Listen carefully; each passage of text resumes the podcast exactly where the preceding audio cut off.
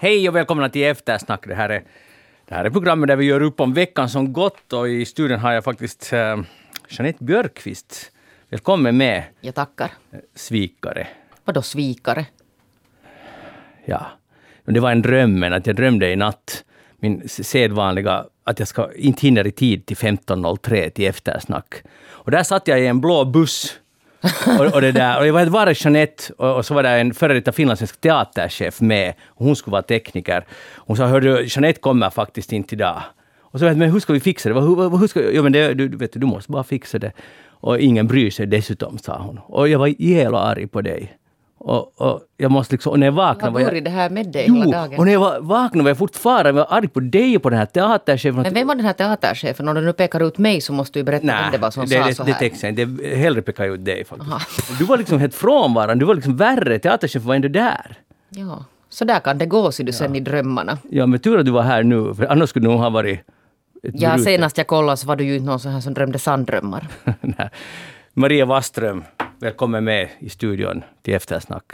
Tack så hjärtligt. Och enligt Facebook-uppdatering har du varit ute och åkt skidor idag. Ja, men jag kom nog inte ända hit. Äh, nu skulle du ju ha sagt att du kom ända hit. Ja. Jag vill ju gärna upprätthålla en sån där bild av mig själv att jag är jätte uh, som du skrev också där Ja. i Facebook. Men det är ju nog inte sant alltså. Så du gick och ställde dig där på, på gården och så tog du ett par bilder? Nej, nej, jag var nog på en kort skidtur. Vad är kort? Jag har ett spår där precis vid min husknut som är två och en halv kilometer. Ja, det tycker jag är ganska Och långt. det, det är så här ganska passligt. Mitt liv är man kan ju skida många varv om man vill. Om man vill. Jag, jag Men det är härligt att skida. Att det är jag. Jag blev faktiskt inspirerad av det, så jag gick också på en Oho, snabb tur oho. där. Ja. Okej. Och nu är det Jag har inte- Och kanske gick lite längre då. Nå, lite längre. lite längre tur. Ja. Jag har inte skidat idag. Har- Och inte igår. Men har du skidat den här vintern? Och inte i förrgår. Och inte den här vintern heller. Nej. Nej, Och hur var det du är med... det enda Och inte säkert. förra året heller. Nej, då skidade ingen. Nej. Just så, och, och, och, det är lite så här som att jag kan inga språk och jag är stolt över det. Det är Nej. samma. Nej, det sa jag inte. Nej. Jag bara konstaterar att om det finns någon annan där ute som inte heller har skidat och får ångest över alla skidbilder där på Some, så här är en av er. Ja, okej, jag förstår. Det finns ett annat alternativ, det är att inte vara på Sommen, så behöver man inte se på de där skidbilderna. Det är sant, men du skulle ju trivas nu just på Some du. Jättemycket. Jag vet, men det kan vara att det skulle bli en motreaktion, att jag skulle inte alls gå sen. Det var just Mycket. bra med en- bild av Marias uh, skidspetsar, det räckte bra. Jo, det finns jättemycket mera där. Det är intressant nog att folk vill det. Nej, men det är en, ett annat fenomen. Jag heter Magnus Lundén, programmet är alltså Eftersnack. Tekniker idag Risto Salonpää och vi ska tala om veckan som gått. Det där... eh, kommer ni ihåg att var det förra Eftersnack talade om den här fantastiska filmen på arenan från 1966. En, en sorts gatugallup. Vad tycker du om turister? Och det där. Och vi har, jag liksom gjorde mycket reklam för den, för den är så rörande och den håller på i 28 minuter. Har du Maria hunnit kolla på Ja, den? jag tittar faktiskt på det. Vad, vad tyckte du om det? No, det är nog fint med sådana här gamla rejäla... eh, ja, när, när man gjorde TV som var långsam. Ja, exakt. Ja, det var inte någon hossande. Nej, det var nog inte... Absolut inget haussande och, och, och allting upprepas på nytt och på nytt. Och det, det, jag tycker det är härligt och det är värt att se en fin tidsbild av svenskfinland från 1966. Men det jag ville skryta om var att, att när jag upptäckte, så att säga, upptäckte hittade den här på arenan så hade den 20 visningar. Nu är det nästan uppe i Och 1000. det var 20 på Kan ha 10 med år, var det inte så? att göra. 20 på 10 år, ja. Ja. Och nu har det gått upp till 1000. Så de som har ännu missat det, så sök på Gallup kolon vad tycker du om turister på arenan? Eller gå in via Eftersnacks Facebook-sida. Och dessutom hade någon människa börjat bånga just den här som du efterlyste, bekanta. Jo, jo det, var, det, det var det jag skulle säga. För eftersom Svenskfinland är Svenskfinland så var det jo, det är den Stig från Pargas och där och den ena, den, ena, den ena och den andra. Mera sånt, för det måste finnas många, det är många tonåringar som är intervjuade. Var är de idag? Kommer ni ihåg att ni har varit i den här stora journalistiska satsningen, medverka i den? Och de flesta tonåringar, vad tycker, har du, vad tycker du om turister? Ja, Inte vet jag. Säger de flesta. Och allt det här är med i TV. Och det skulle man ju kanske säga idag också. Vadå, en, en, ska man ha en åsikt om en turist? Vad är det? Det, det var ju finns alltså- ganska många men det var olika och med någon, sorter. någon som frågade, vet du vad en turist är? Ja. ljuvligt. Hej, men tyvärr äh, mycket deppigare saker. Forsbymordet har nu behandlats, börjat behandlas i rätten. Och jag gjorde misstaget att jag läste lite om de här grymma detaljerna i det här mordet. Det var alltså det, det mordet där äh, tre tonåringar mörda en fjärde. Efter en hel höst av systematisk grov mobbning, någon sorts bestraffningslek och så vidare. Eh, och det är ju mycket man börjar fundera när man läser om det här det där en sak är det här att det här offret är så pass beroende av sina, egna, eh, sina enda så kallade vänner att han dyker upp där fredag efter fredag. Ändå vet han, förstås vet han inte att han ska nu bli mördad, men, men att, tänk vilken fruktansvärd situation. Det är det enda man har, är, är sådana polare. Det är helt, Jeanette, jag kan tänka mig att du har lite läst på. Jo, jag hade där nog följt det här ganska mm, noggrant på många kanaler. Och det där, om vi nu vill prata en stund om den här, det här offret. Mm. Så är det ju en alltså helt vedervärdig historia för att, för att han lär ha varit alltså en helt glad liten kille ännu i lågstadiet. Och sen har, har den här alltså mobbningen inletts. Det var ju inte bara den där hösten som föregick utan det här har ju på, pågått alltså länge. Och där längs med vägen så har det där ingen riktigt, eller ingen har tagit tag i det helt enkelt. Nu är det ju det där, det finns så många ledsamma saker här men liksom en ledsam sak är ju det att de har ju eh, flera alltså journalister som har intervjuat sådana här människor omkring den här pojken. Yle hade gjort ett ganska stort jobb alltså på det här att på något sätt kartlägga allt det här. Att hur gick det här till? Där det har funnits alltså en massa skolkamrater som nog på något sätt har vetat om att han blir mobbad. Men det där. Men det har liksom inte föranlett något. Det, har ju liksom, det finns ju helt goda skäl till att man nu till exempel granskar eh, sådana här projekt som den här Kiva Koulu, alltså den här mobbnings mm motverkande skolan och, och överhuvudtaget alltså sådana strukturer. Det har väl visat sig också att, att i den här skolan där han har gått, där den här alltså eskalerar sen den här mobbningen, så har det funnits alltså ganska allvarliga sådana här eh, organisatoriska problem och inflammerade arbetsklimat och sånt. Mm.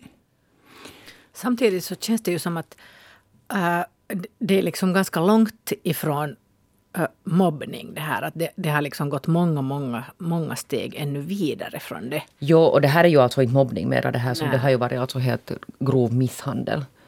Men, men det har liksom eskalerat, det har börjat någonstans mm. med, med den här mobbningen och sen har det bara tagit fart. Och vad det är som sen har lett till den här utvecklingen och, och vad som egentligen har rört sig i de här, de här nu åtalades huvuden. Och liksom vad den bakgrunden där är, så det, det, det vet vi ju inte hemskt mycket. Nej, och, och, frågan är, alltså det är ju, jag tycker det är så, så pass liksom obehagligt att jag har själv svårt att, att följa med de här nyheterna. Jag är inte kanske... Äh, jag har faktiskt lite nästan undvikit det för jag tycker att det, det är nästan svårt alltså att, att läsa eller lyssna. Och, och det där... Äh, att, att, det känns inte som att, att någonting blir bättre fast jag vet de här detaljerna. Men att samtidigt så, så är det ju viktigt sådär samhälleligt att, att man inser att sånt här finns och att man faktiskt måste göra någonting åt det. Och om det inte skrivs om det så, så då kan man ju förstås leva i tron att det inte existerar. Nej, det är ju alltså ganska många kollegor som har, har varit otroligt illa berörda. Alltså sådana som måste sitta. Alltså någon måste ju sitta på de här rättegångarna också.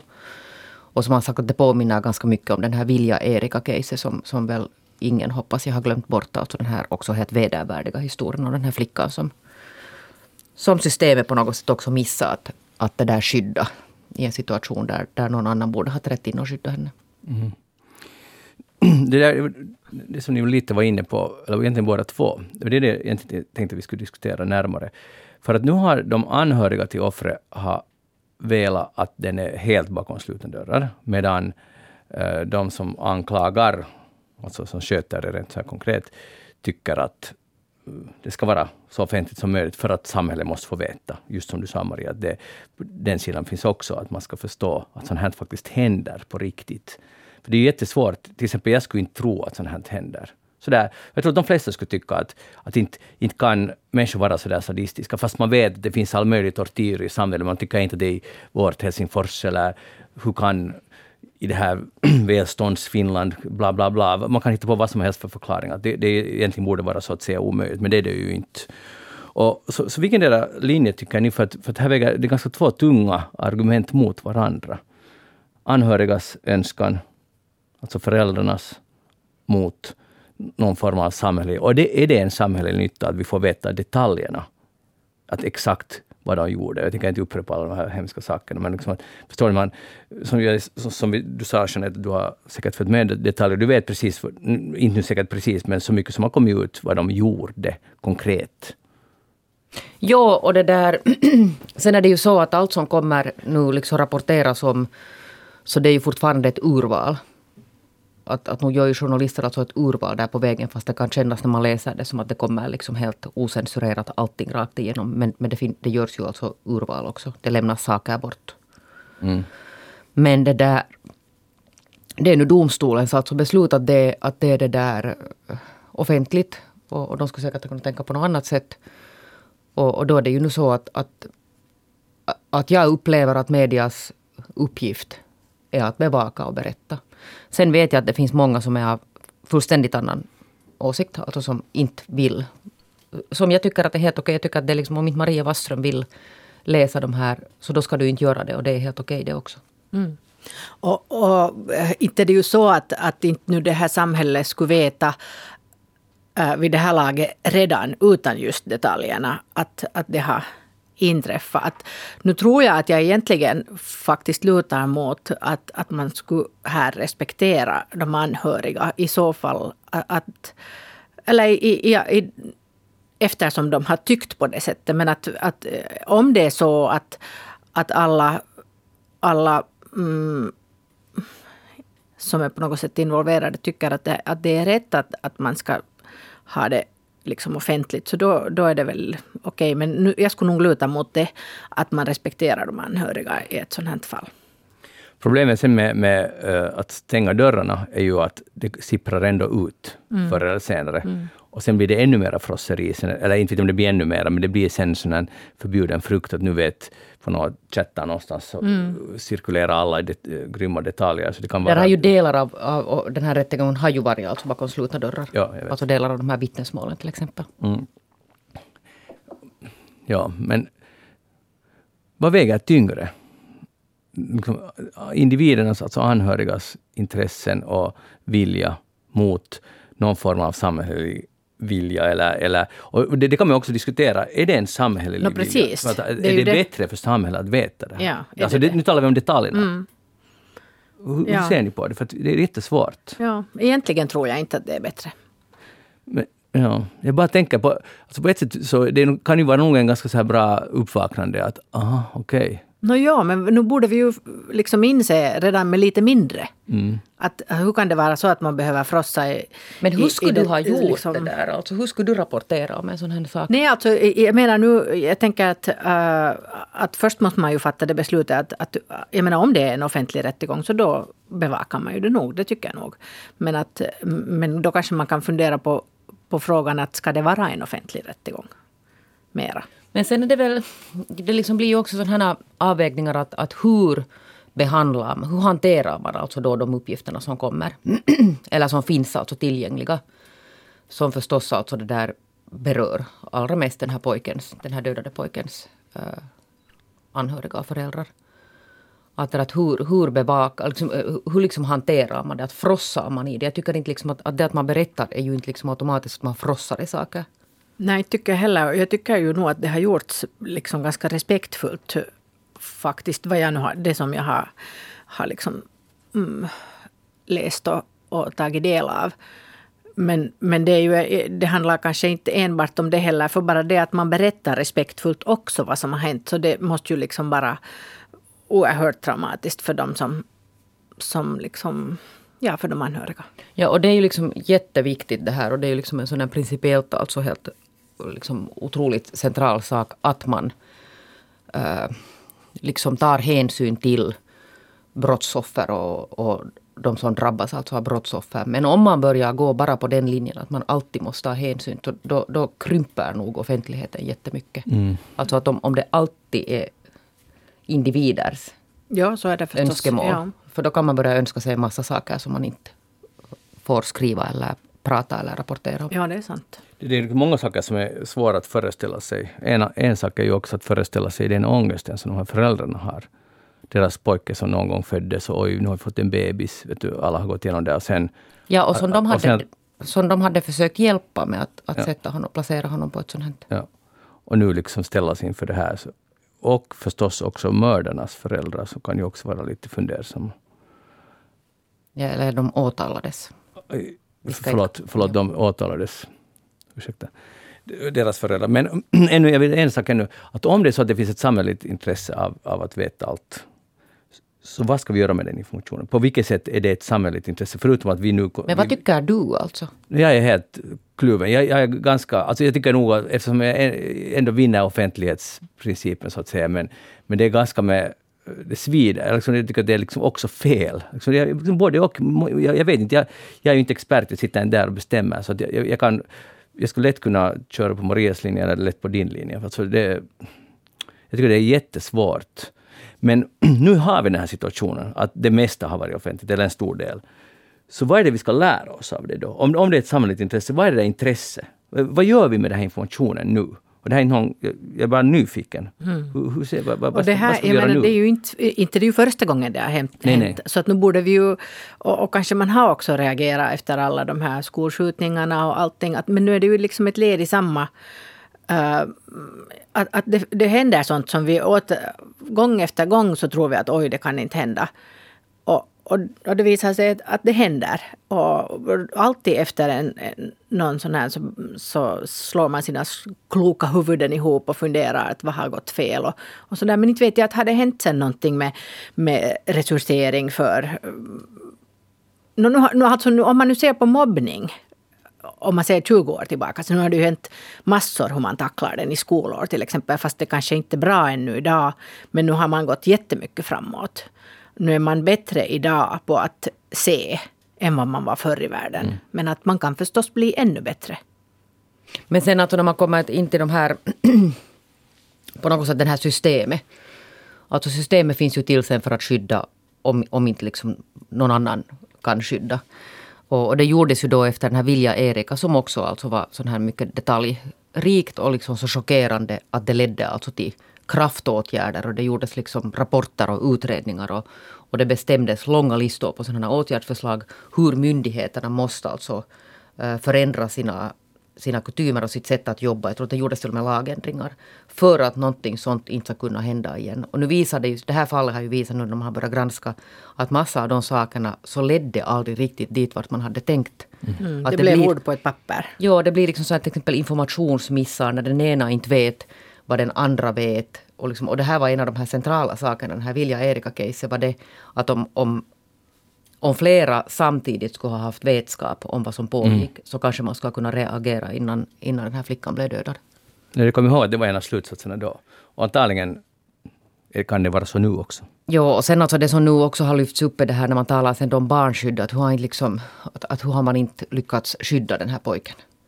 Men det, där, det som nu har lyfts fram är det att, att det där barnskyddet är ju, det vet vi ju, överbelastat. Men också överbelastat av saker som många experter säger att inte egentligen hör till barnskyddet. Att man får dit alltså en massa till exempel eh, barn med olika slags beteendestörningar som inte alltså hör hemma. Det är inte liksom barnskyddets uppgift att där behövs andra resurser. Och det har den här barnskyddsombudsmannen nu också talat ganska kraftigt för att man borde titta på att vad är det egentligen som ligger där på barnskyddets att, att det kan inte sen i slutändan alltid vara barnskyddet som måste lösa precis allting. Det, det Nej, måste på något sätt tänker man ju också att medmänniskorna borde, men det är också svårt det där för att man tänker att, att man, uh, man kanske inte liksom inser vidden av problemet när man ser det utifrån eller från en närmiljö. Man kanske är medveten om att den här mår inte riktigt bra och att det här, det här umgänget är inte riktigt hälsosamt. Men man kanske inte förstår hur pass ohälsosamt det är och därför kanske då inte ingriper. ja. No, då får man hoppas att det inte kommer några nya sådana här case. Nu lär sig samhället och individerna att reagera.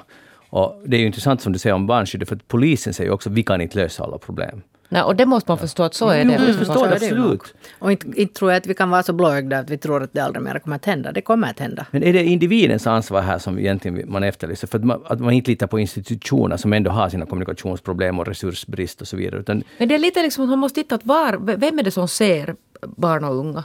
Vem är det som ser alltså de mest?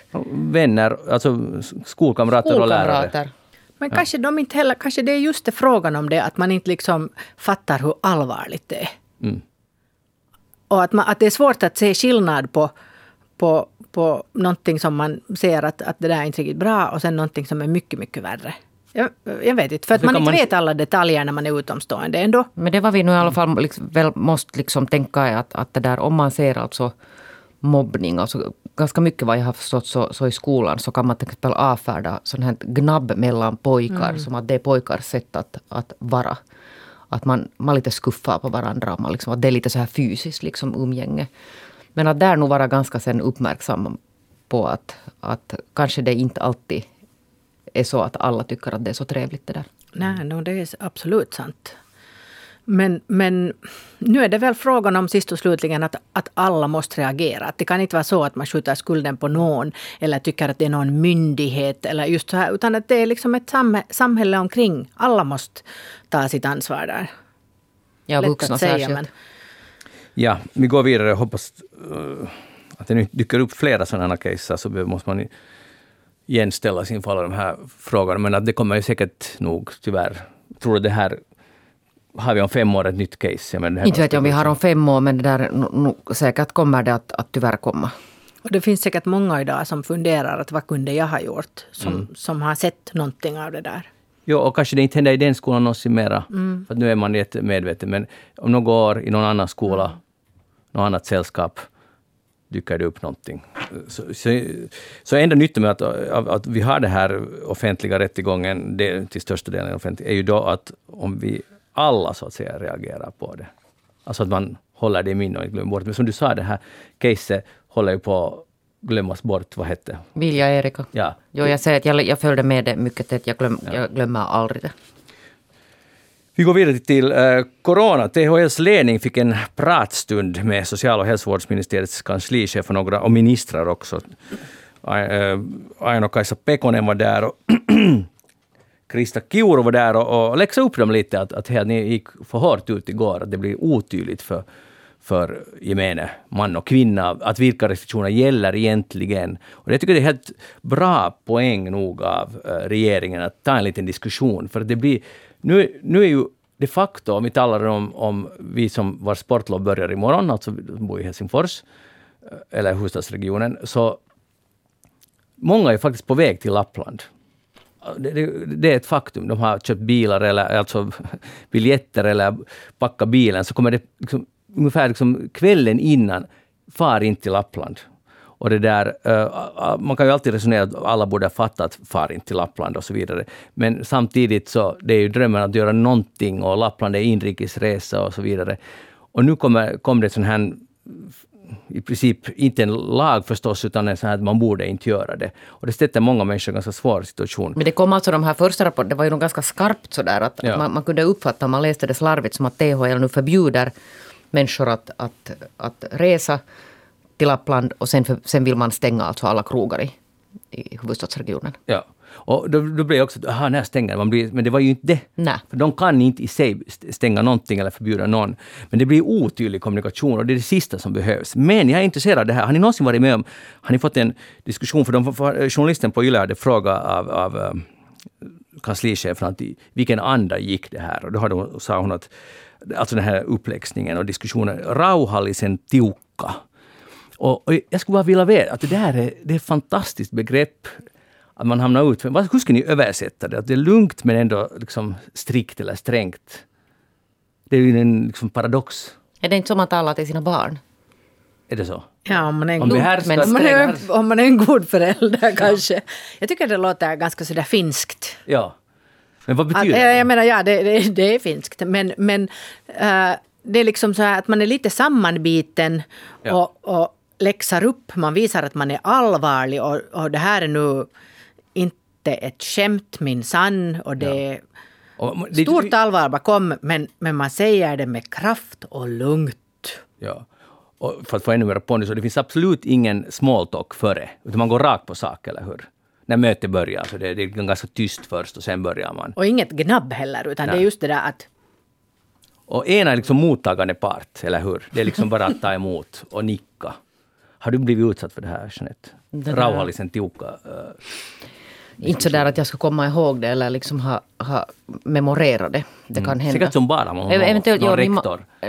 Ja, na, jo, no, jo no, det har i och för sig, jo. Men då var det ofta så där att Björkvist ut och så sades det inte så hemskt mycket annat. Så satt jag ute i korridoren igen.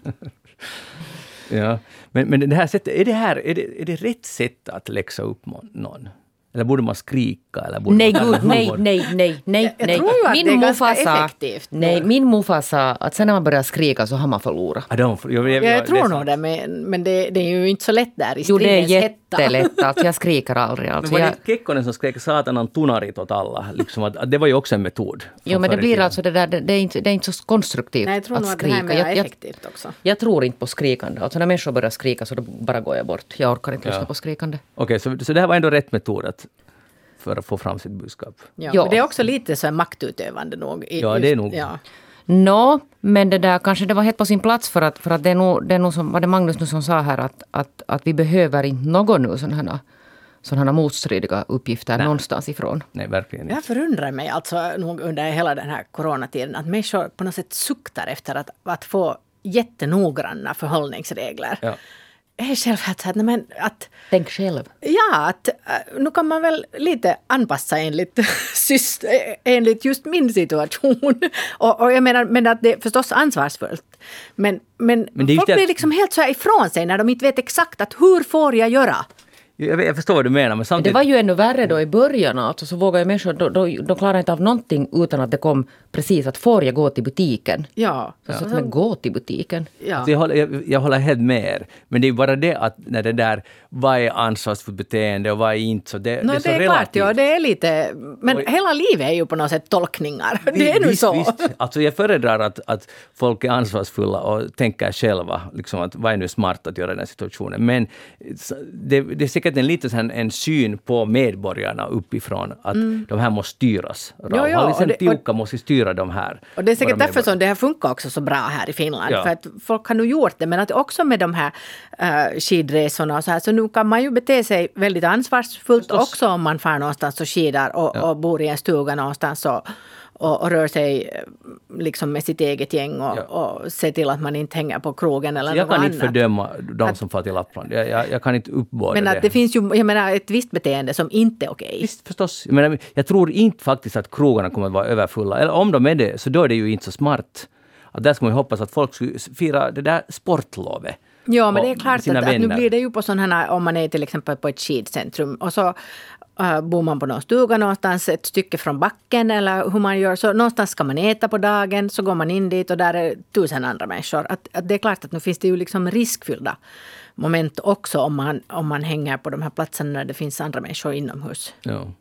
Huvudsaken att, fira ett, att försöka fira ett avslappnat sportlov, inte tänka så mycket på den här pandemin, det liksom hjälper inte så mycket. Åka slalom eller skrinna eller åka skidor, det blir nog bra. Och, det, och det, jag tror den, att, att nu blir det fokus på det här och alla är lite sura och lite rädda och, och skitsoga där. Men skitsoga är nu säkert de här som har alltså restauranger eller krogar som serverar alkohol i huvudstadsregionen. Ja, de är säkert lite oroade. Ja, för att det kom ju igår då THL att de ska stängas nu omedelbart helt och hållet. Ja. Vilket man alltså då inte kan göra. Så deras intresseorganisation gick ut och sa att, att don't do it. Ja, jag tycker tvärtom att man skulle försöka, om inte det nu förvärras det här läget som det spekuleras kring, men istället skulle man öppna teatrar och biografer restriktivt och sådär. Det skulle öppna istället. Alltså jag menar att båda två skulle få ha begränsat öppet. Det skulle vara helt Men bra. ska de istället börja stänga alltså gym. Ja. Men nu finns det ju ut, utanför huvudstadsregionen, nu vet jag inte exakt hur, hur det förhåller sig, men nu vet jag till exempel att, att man i Ikaris har haft bio öppet hela Ja. tiden och då har man liksom tio besökare och det brukar nog inte annars vara så himla mycket folk heller på de där biograferna. Att, att nu kan man ju göra så, man, säkert kunde man också få helt tryggt uh, ordnat en föreställning med lite fler än tio, men det är väl kanske tio som är gränsen nu då. Men, men jag menar det är ju stora utrymmen att, att, och där, har- det har nog ordnats tror jag. Det är ju fint att de is alltså för tio personer ordnar en, en Det är föreställning. jättefint. till Och och jag medger att det glömmer man lätt när man bor i Helsingfors. Man tror att det är samma läge i hela landet. Ja, för det är det ju verkligen Nej, inte. nej, jag- jag och vet. inte heller i hela Nyland. Nej, så, och, och det är jättestor skillnad. Och det, och det, och, och, och på ett sätt tycker jag att det är uppmuntrande att det visar att det går på annat håll utan att allt har eskalerat. Det, det, det går att ha, just som du sa, en biografsalong med tio människor. Och det händer inte. Ja, och det var ju nu i veckan så hade ju de här teaterinstitutionerna hade ju en sån här protest. Där de alltså nu vädjar till att man ska kunna, det var något museum också som vädjade till att, att de skulle få öppna alltså med sådana här, som de hade alltså utverkat. Jag var själv på teater under hösten till exempel. Jättebra alltså arrangemang. Trygga arrangemang och liksom tomma halvtomma läktare och liksom hela, hela Ofta stora utrymmen. jättestora utrymmen och mycket så här noggrant att hur man gick och hur man liksom for därifrån. Och, så, så jag önskar verkligen att de skulle få... på. Ja, att, att man, de skulle få öppna. Ja, det är lätt att hålla med om det. I Sverige det utkommit en bok äh, skriven av Fredrik uh, Ljungqvist, tror jag att han heter. Charpentier Ljungqvist. No, och och bara kort, att det ger en ytterligare ny dimension. Eller visserligen har det varit uppe tidigare, men, men hans tes är att, att Sverige är inte alls speciellt hårt drabbat av corona. För att om man kollar på dödlighetssiffrorna jämfört med de fyra senaste åren och jämför och sätter sen det i per- perspektiv till resten av Europa, så har två tredjedelar av länderna i Europa haft en betydligt högre överdödlighet än Sverige. Alltså hur många människor har dött i jämförelse med tidigare år? Tidigare, närmaste tidigare Men helt åren. otroligt många har ändå dött i corona. Jo, jo, men de, så att säga, för att uttrycka- det krasst, de skulle ha dött av något annat. Det är den här tesen här. Men Finland och Norge får, eh, att det så att säga medger han att de, Finland och Norge har klarat sig mycket bättre än Sverige. Men att i ett europeiskt perspektiv, vilket ju inte alls motsvarar den uppfattning jag har. Min uppfattning är att Sverige har haft katastrofläge. Men många andra länder har också haft Ja, katastrofläge. visst, visst. Men två tredjedelar av europeiska länderna. Och sen att, och så vidare. Men, men det är helt bra att få en bredare bild av det här. Så, så här kan man också se på, se på saken. Jeanette Björkqvist, vad har du tänkt på veckan? Under, Men jag måste... Under veckan veckan, som- som gått. No, jag läste det där en jättebra, alltså min favoritkolumnist i Dagens Nyheter, Emma Bovi, Bo, Bovin. Jag vet inte faktiskt hur man uttalar det, kanske Bovin. Hon skriver jättebra kolumner och nu hade hon skrivit en, en fantastisk kolumn igen som egentligen alltså handlar om en så här gammalt case när hennes dotter föddes och var jättesjuk och hon var i chock på sjukhuset och sen kommer alltså hennes Massa människor hörde av sig till henne och frågade att, att det där, hur kan de hjälpa? Och hon var så i chock eh, att hon kunde inte svara någonting alls. Och sen kom hennes bästa vän, alltså, så det här är en sån här hyllning till hennes bästa vän Karin. Som, som ställde frågan att vad kan jag göra för dig? Så sa hon, äh, du behöver inte säga någonting. Och så bara kom hon. Och så hyllar hon alltså den här Karin. Att hon skriver om det här att, att när man är i chock så ska man inte behöva ta ställning till... alltså alla vill ju alltid hjälpa om någon har råkat ut för någonting. Men, men den människan som har drabbats har inte kapacitet att formulera att vad är det för hjälp den behöver. Att då är det liksom bättre att man bara som Karin kom och sen liksom gjorde och fixade och hämtade något godis som, som Emma tyckte om. Men det här alltså sen uh, utvecklas till ett resonemang om det här att hon då i början av, av de här, hela den här corona, liksom när det började, uh, fortfarande alltså upprätthåll, jag känner lite igen mig alltså det här att man, att man på något sätt liksom, man, man, man träffar vänner och man försökte liksom göra sina arrangemang och, och man träffades utomhus och det funkar liksom ända fram till hösten och, så, och sen blev det liksom slasket och så blev det vinter. Och så plötsligt hittar man sig alltså så där att man, att man liksom helt enkelt bara har isolerat sig hemma och börjat tycka, som hon skriver, att man börjar tycka att liksom soffan och tvn är det absolut bästa alternativet och sen när någon försöker föreslå att ska vi träffas någonstans på något sätt så tycker hon att det stör hennes det här, det här liksom TV och soffan. Och på något sätt så, så liksom känner jag lite igen mig i det här att, att plötsligt så har man liksom bara gått i, i det där, där hemma och slutat försöka fast det alltså går förstås att, att ordna. Ja, men, men man vaggar liksom in sig ganska snabbt och förstås alltså vädret ute också som gör, gör det att sen sitter alla bara liksom och kökar där hemma i, Jag tycker det är jätteallvarligt. Jag tycker Ja. det är faktiskt ganska bad.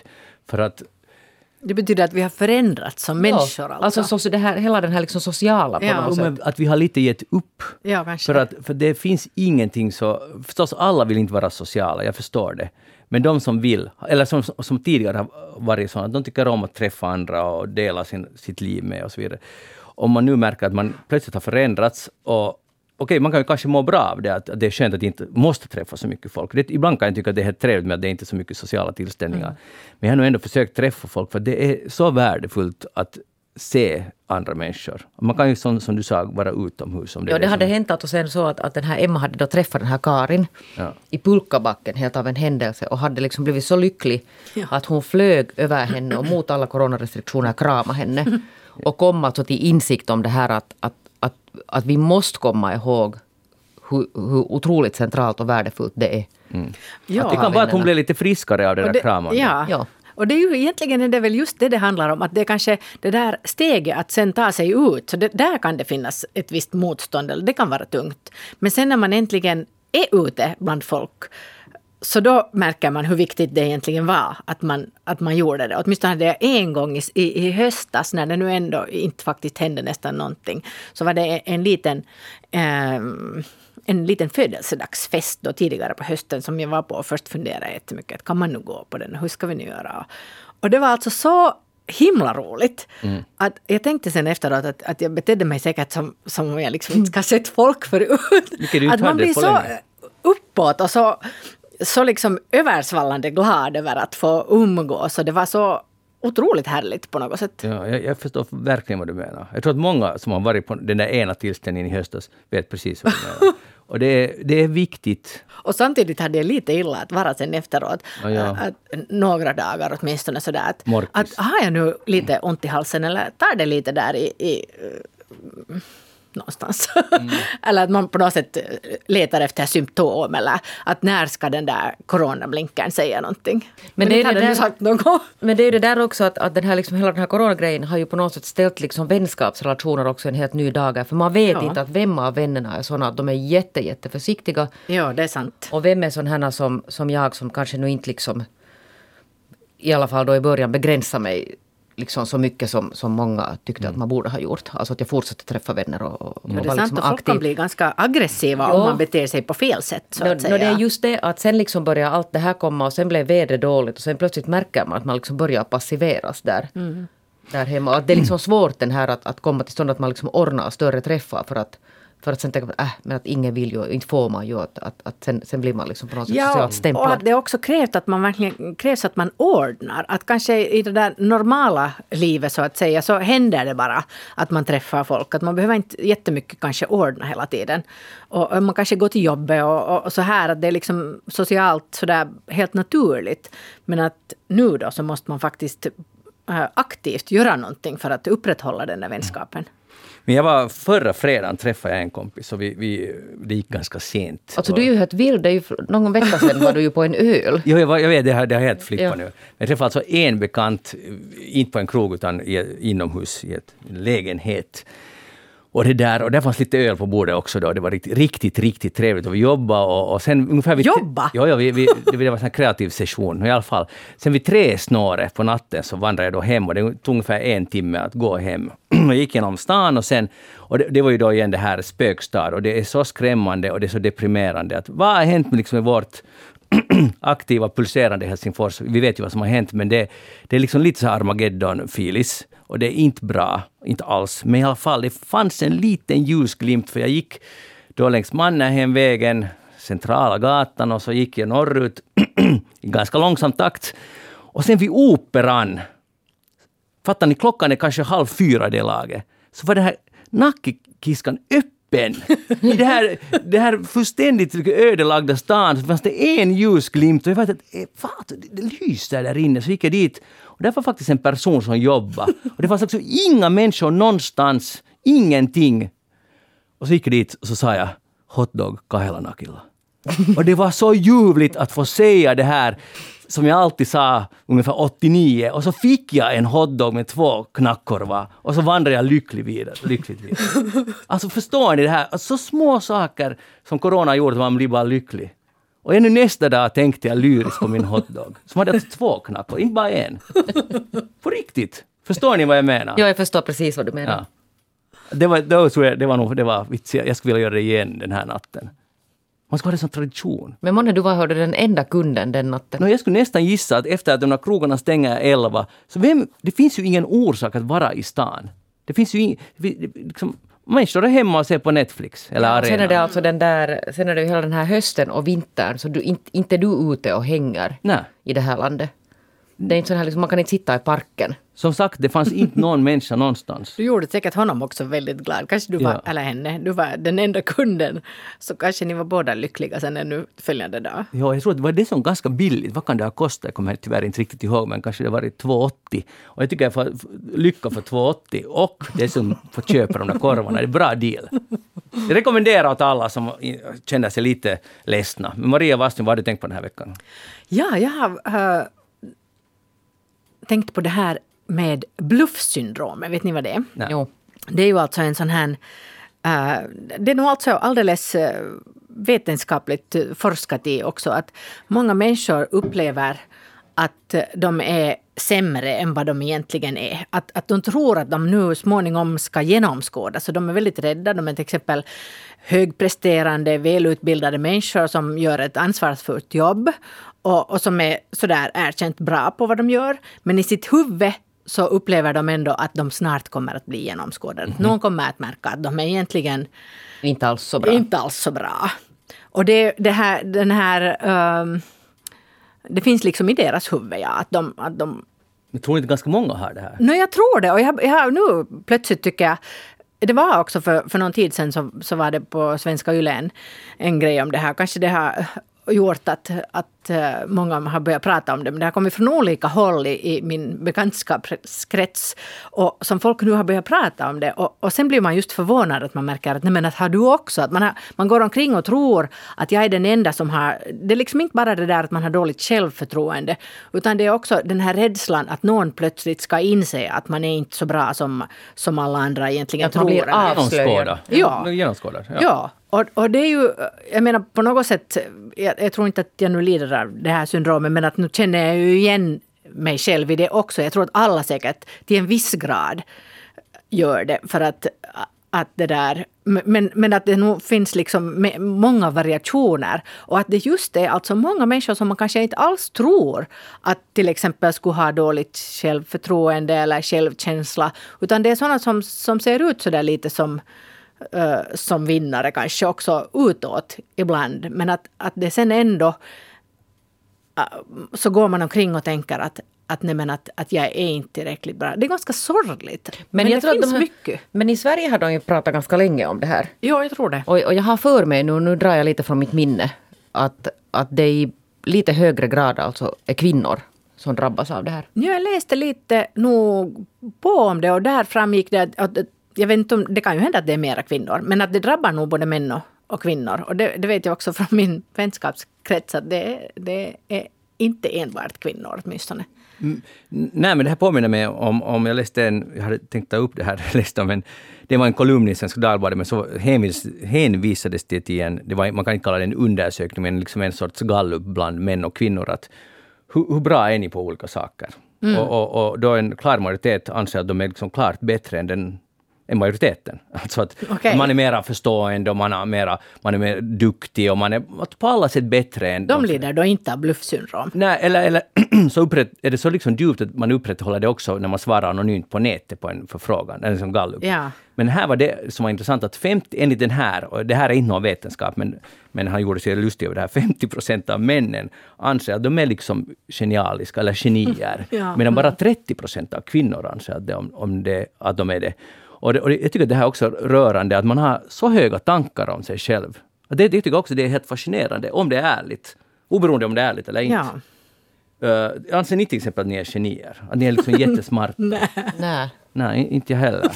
Alltså tvärtom är man ganska idiot på många frågor. Men sen, sam- Aha, har du den här bluffsyndromet? Uh, Lider du av det? Jo, men jag tror att, att jag menar, det är väl ganska sådär sunt att ha en eh, viss självkritik. Men sen när det blir när det, blir, när det går så långt att man hela tiden måste överprestera för att visa att man, man är nog tillräckligt bra och alla andra människor omkring Och sen ändå att, tror man inte att man är tillräckligt nej, bra. Nej, precis. Och då leder det till att man ännu mer överpresterar. Och, och det kan ju sen leda till alla, alla möjliga andra eh, problem också. Men, men omgivningen omkring förstår inte att, att, att varför håller du på sådär? Du är ju, du är ju redan bra. Men jag tror att massor av problem, psykiska problem eller problem, depression, kanske inte depression, men kan, problem i alla fall kan härledas till den här, hur man ser på ja. sig själv. Och dessutom har det att göra med barndomen, sägs det överallt där det skrivs om det här. Det, det, det är alltid det här barndomen. Det är alltid, alltid barndomen, ja. precis. Och det är ju ganska intressant. Ja, alltid måste man på något sätt överleva den där barndomen. Och, och därför är det ju lite uh, jobbigt när man tänker att har, har man nu lyckats då ge, eller lyckas man ge åt sina barn en självkänsla? Men hur förklarar de alltså den här, på vilket no, sätt ja, den? Jag, jag är ju inte psykolog nu så jag kan inte kanske Visste riktigt... du, här är vi alla experter. ja, jo, i eftersnack är det ja. fritt fram. Men äh, no, nu har det med alltså, hur man tacklar misslyckanden, tror jag delvis. Att, att har man lärt sig att, uh, att, att komma över miss, misslyckanden. Att hur, det tror jag att det är säkert helt viktigt. Och, och, kanske också i dagens läge så kan det ju hända att många småbarn är så eh, himla liksom uh, skyddade från omvärlden, att de inte upplever så himla mycket misslyckanden. Och sen vet man ändå att i, i, i, i riktiga livet så, så kommer de där misslyckandena och, och, och motgångarna. Så att nu måste man ju på något sätt ha några färdigheter att tackla dem. Att då är det kanske helt bra om man i barndomen har, har lärt sig att, att nu händer den här tråkiga saken men jag kommer över det. Ja, men sen måste det nog ha någonting också att göra med att hur man bekräftar alltså barn. Alltså vad, ja, det, vad det är alltså man det. uppmuntrar. Det tror jag säkert. För att om man tänker att det leder sen fram till det att man alltså på något sätt tvivlar på sig själv så jo. mycket att man inte liksom ingenting duger för att man själv ska tro på att man faktiskt på riktigt är kompetent på något. Absolut, ja. Det är också en begreppsskillnad mellan självförtroende och självkänsla. Känsla, ja. Det går, de här går ju alltid i kors. Jag tror att självkänsla är, är det viktiga Exakt, här. Ja. Självkänsla, då tror jag att man må, kan må väldigt bra. Man har liksom en uppfattning, en... en Sanningsenlig uppfattning. Att, här är jag och ja. med mina och man styrkor. Och, ja, och god, ja. exakt, förlåter ja. sig själv. Man kan ju ha otroligt självförtroende som baserat mm. på luft. Och då är man ganska jobbig också. ja. Och då har man inte i och för sig heller så god självkänsla man har enormt självförtroende. Och man, och, men då kan medmänniskorna gå, tro att det här han har nog god självkänsla. Liksom, man misstar sig vad det är man har. Man, har en, man kan ha ett självförtroende, man kan gå långt med det säkert, men där inne så är man kanske jätteorolig och svag. Mm. För att man bara ger sken, för att man vet att det är viktigt att det går hem. Folk älskar folk med självförtroende. Gör de? Jag tror det. Inte, ja, inte. Det. Det, det beror lite irriterande. Det beror alltså. lite på alltså hur, det, hur det, det där tar sig uttryck där. Ja. Förstås om det, om det är liksom nedlåtande mot andra är det ju inte så bra. Tycker ni inte om folk som vet vad de vill och så här? Alltså till synes. Jo, och jag, jag kan göra vad som helst. Inte sådana som skryter med sig själva. Nej, Nej det är nog nej, okay. otroligt Jag, jag menar inte det. Ja, hmm. nej, det är lite det, det är som sagt att hur det tar sig uttryck det här. Ja. Men tror inte man kan ha ett gott, alltså ett självförtroende utan man skryter om det? Jo, alltså jag tycker att sån här riktigt, alltså riktigt, riktigt starkt och bra sunt självförtroende, så det är ju till exempel tar sig uttryck i att man kan vara generös mot andra.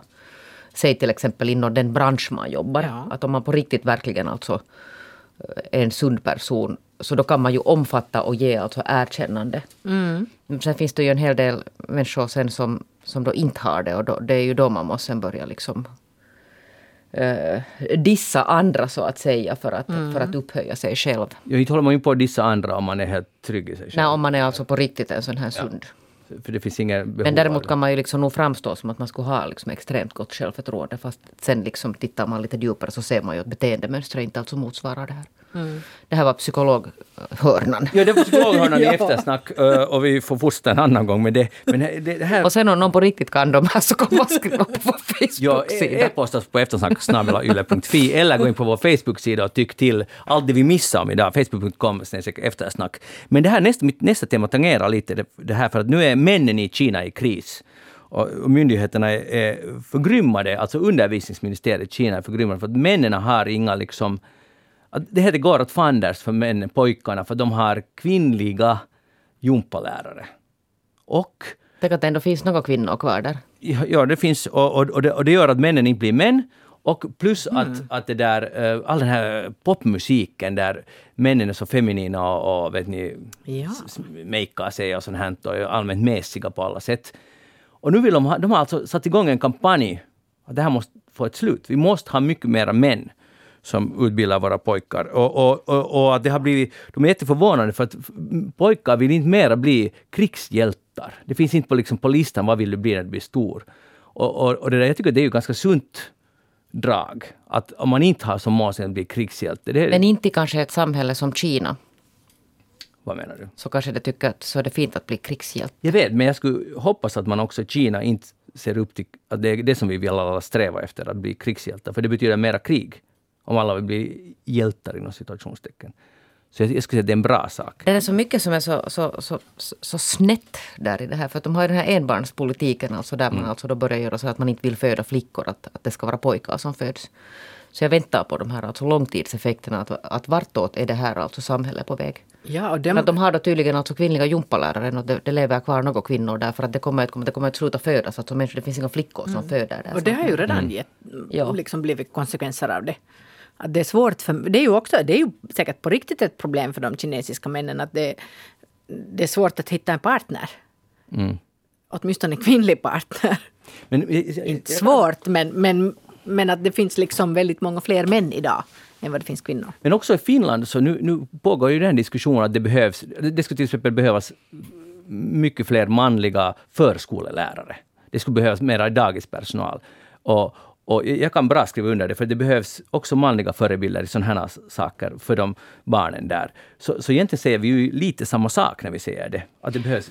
Och- Jo, men det är Hans lite... rollen är väldigt olika. Jo, och det är lite den här hela samhälls, liksom, uppbyggnaden ser lite olika ut. Jo, det kan jag hålla jag, med om. Jag är helt alltså med på det här att, att det är jättekvinnodominerat. Men jag tror att den här kinesiska diskussionen är inte riktigt nu på... Vi pratar lite Mm. om olika nivåer här. Okej, så ni är inte oroliga över männen då? Kanske över de kinesiska männen? Nej men alltså jättegärna mera lä- alltså manliga lärare och, och personal på dagis och sånt. här. De brukar ju vara jätte, jättepop. Hej, vi har fått mycket läsarbrev. Jag ville, kommer ni ihåg att jag talade för några veckor sedan om att jag ska bli snickare?